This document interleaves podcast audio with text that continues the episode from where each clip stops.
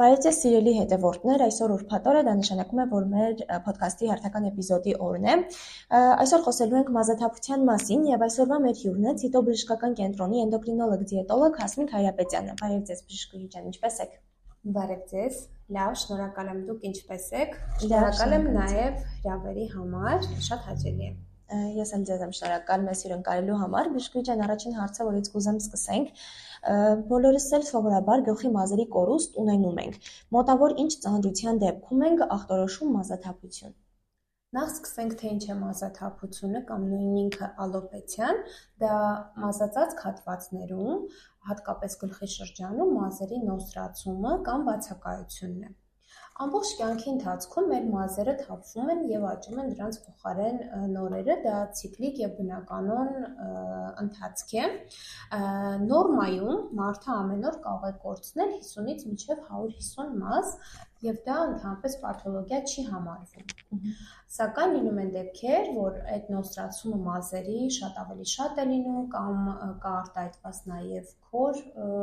մազածած հատվածների շրջանում կամ այլ որևիցե գանգատ, որը մեզ հուշում է, որ մենք ունենք արդեն ախտաբանական պաթոլոգիկ մազաթափություն, որի դեպքում անպայման պետք է դիմել բժշկին կա ժամանակավոր ու ախտաբանական մազաթափություն։ Առաջինը ժամանակավոր մազաթափություն։ Ժամանակավոր մազաթափության առաջացման պատճառները որոնք են։ Իրականում մենք պետք է կողմնորոշվենք նաև ժամկետներով։ Եթե մազաթափությունը ձգվում է 1.5-2 ամսից ավելի, ապա սա արդեն խոսում է, որ որևիցե լուրջ խնդիր կա օրգանիզմում, այսինքն որևիցե հիվանդության հետևանք է, սա կամ պաթոլոգիկ ինչ-որ վիճակի հետևանք է։ Ժամանակավոր մազաթափության պատճառները տարբեր կարող են լինել, ամենահաճախ հանդիպողը դա եղանակային կտրուկ փոփոխություններն են, ջերմաստիճանի կտրուկ փոփոխությունները, նկատած կլինենք բոլորդ էլ, որ գարնանը կամ աշնանը կտրուկ երբ որ ջերմաստիճան տատանում է լինում, մազաթափություն գրեթե բոլոր մարդկանց մոտ նկատվում է, բայց դա չափավոր է լինում։ Ինչպես նաև բացի եղանակային տատանումները կնշեմ ստրեսը, որը շատ մեծ ազդեցություն ունի նաև մեր մազերի վրա, ստրեսային գործոններ տարբեր, գերլարված, անդադ գերլարված վիճակներ, հաճախ հանդիպողներից է, երբ մայրիկները շատ անհանգստանում են, դա սկսենք հղիության ընթացքում կարող է լինել ծննդաբերությունից հետո եւ կրծքով կերակրման շրջանում, սովորաբար այս դեպքում էստրոգեն, պրոգեստերոնային հորմոնների փոխազդեցության հետևանքով կամ ապա հավասարակշռման հետևանքով մազաթափություն լինում է, բայց մի վախեցեք, սիրելի մայրիկներ, նորաթուխ մայրիկներ հատկապես, սա վտանգ իրենից չի ներկայացնում եւ ժամանակի ընթացքում ձեր մազերի որակը եւ քանակը բնականաբար կվերականգնվեն։ Չմոռանամ նշել նաև, սա ժամանակավոր կամ ֆիզիոլոգիականի մեջ եմ նշում, բայց լինում են դեպքեր, որ նաև դեպի ախտաբանական է գնում, դա խիստ դիետաներն են, սահմանափակումային դիետաներն են, որոնք միկրոէլեմենտների, սննդանյութերի բացակայությունը, պակասը օրգանիզմում երկարատև կարող է բերել մազաթափության, շատ հաճախ է սա դիտվում։ Բարի։ Անցնենք ախտաբանական մազաթափության պատճառներին։ Այո, սիրով։ Ինչ վերաբերում է ախտաբանականին արդեն տարբեր սուր եւ քրոնիկական հիվանդություններ կարող են բերել մազաթափության։ Ամենահաճախ հանդիպողներից կուզեմ նշել վահանաձև գեղձի խնդիրները, այսինքն առհասարակ էնդոկրին պաթոլոգիաները, էնդոկրին խանգարումները, հիպոթիրոզը, վահանաձև գեղձի թերֆունկցիան, հիպերթիրոզը, աուտոիմուն թիրոիդիտը, այս հիվանդությունների դեպքում առաջանում է մազաթափություն, ինչպես նաև հիպերանդրոգենեմիան, այսինքն տղամարդու հորմոնների շատացումը կնոջ մոտ, եթե բացենք փակագծերը, պոլիկիստոզ զվարանային համախտանիշը, ինչպես նաև հիպոպիտուիտարիզմը, սրանք բոլորը կարող են առաջացնել մազաթափություն էնդոկրինների հետ կապված։ Ինչ վերաբերում է մնացածին, ապա համակարգային հիվանդությունները եւս կարող են առաջացնել, օրինակ համակարգային կարմիր գայլախտը, սկլերոդերմիան, տարբեր ինֆեկցիոն հիվանդություններ, սիֆիլիսը, դերմատոմիկոզները, ինչպես նաև որոշակի դեղորայքային խմբեր, օրինակ կոնտրացեպտիվները, օրալ հակաբեղմնավորիչները, ինչպես նաև հակամակարդիչները, ցիտոստատիկները, հակաուռուցքային պրեպարատները սրանք եւս առաջացնում են եւ իհարկե չմոռանանք ճառագայթման մասին ճառագայթային թերապիա, ռենտգեն թերապիա սրանք եւս կարող են առաջացնել մազաթափություն Բարի։ Երբ հիվանդի մոտ արդեն ախտորոշված է որևէ պատճառով ախտաբանական մազաթափություն, արդյոք գլխամաշկի խնամքը մազաթափության դեմ ինչ որ դիմակների կիրառումը օգուտ ունեն։ Տեսեք, իրականում շատ կարևոր է դնել ճիշտ ախտորոշում Այսինքն ախտաբանական մասաթափությունը հենց այնպես չի լինում։ Ես երբևէ դեմ չեմ խնամ, ճիշտ խնամքին, տարբեր մասկաների կիրառմանը եւ այլն, բայց եթե մենք ունենք ախտաբանական մազաթափ հիվանդություն եւ դրա հիմքում ընկած է որևիցե հիվանդություն, բնականաբար առաջին հերթին մենք պետք է փորձենք հիվանդությունը բուժել կամ դեֆիցիտները լրացնել։ Չմոռանանք նաեւ, որ քիչ առաջ ես մոռացա նշել, որ տարբեր դեֆիցիտներ վիտամինների, միկրոէլեմենտների, օրինակ վիտամին D-ի անբավարարությունը, երկաթ ֆիրիցինի անբավարարությունը, երկաթդիֆցիտային սակավարյունությունը, B խմբի վիտամինների անբավարարությունը, ցինկի անբավարարությունը, դրանք բոլորը կարող են բերել մազաթ հիվանդաթափության։ Երբ որ մենք բուն հիվանդությունը բուժում ենք, դեֆիցիտները լրացնում ենք, բնականաբար սրան զուգահեռ կարող ենք նաև տարբեր խնամքի միջոցներ օգտագործել, մեկը մյուսին լրացնում են, բայց երբևէ չեն փոխարինում։ Բարի։ Վահանաձև գեղձի հետ կապված մի շարք խնդիրներ նշեցիք, կարող ենք մի փոքր ավելի մանրամասն խոսել դրանց մասին։ Իհարկե։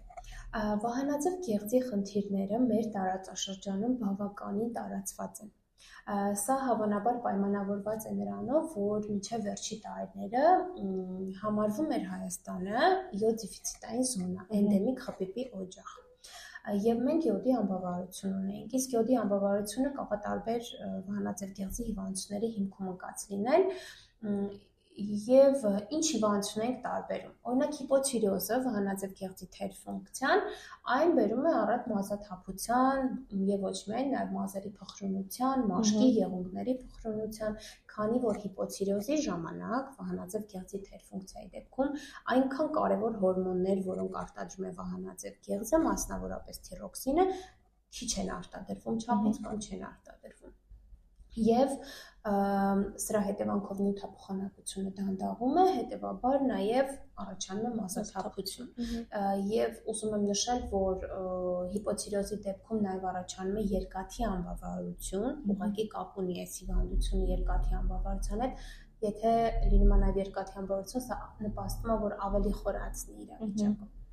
Մյուս դեպքը հիպերթիրեոզն է կամ Գրեյվսի հիվանդությունը, թիրոտոքսիկոզը նույն ինքը, որի ժամանակ չափից ավել են արտադրվում վահանաձև կեղծի հորմոններ եւ այս դեպքում թեև նյութափոխանակությունը ընդհակառակը շատ ակտիվանում է, մազերը շատ արագ են աճում, բայց նաեւ շատ արագ թափվում են, որովհետեւ արագ անցնում են քնի փուլ։ վերջ։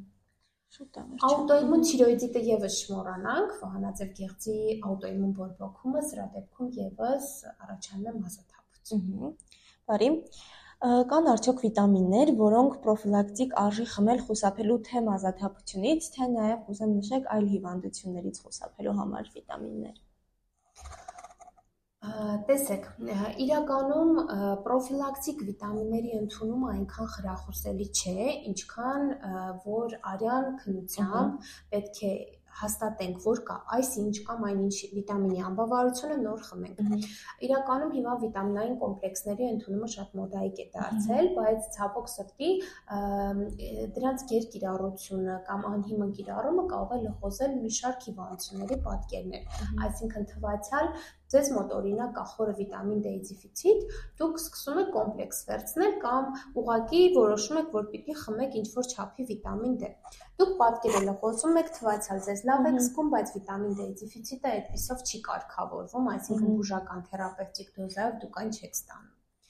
Կան մի շարք վիտամիններ, որոնք նորաստային տարիքից սկսած պրոֆիլակտիկ մենք իհարկե նշանակում ենք։ Դա հենց նույնիկը վիտամին D-ն է, որի մասին խոսում ենք, կյանքի առաջի շաբաթից 400-ից 800 միջազգային միավոր, 1-ից 2 կաթիլ արդեն անհատապես է որոշվում երեխայի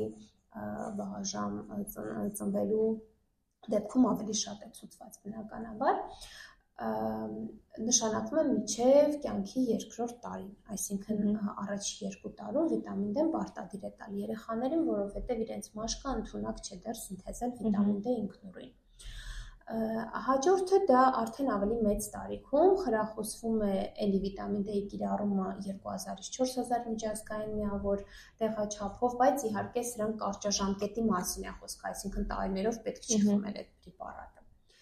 ինչպես նաև ես խորհուրդ եմ տալիս իմ պացիենտներին օմեգայի կիրառությունը, քանի որ մեր տարածաշրջանում ցավոք ծովամթերքը շատ քիչ է,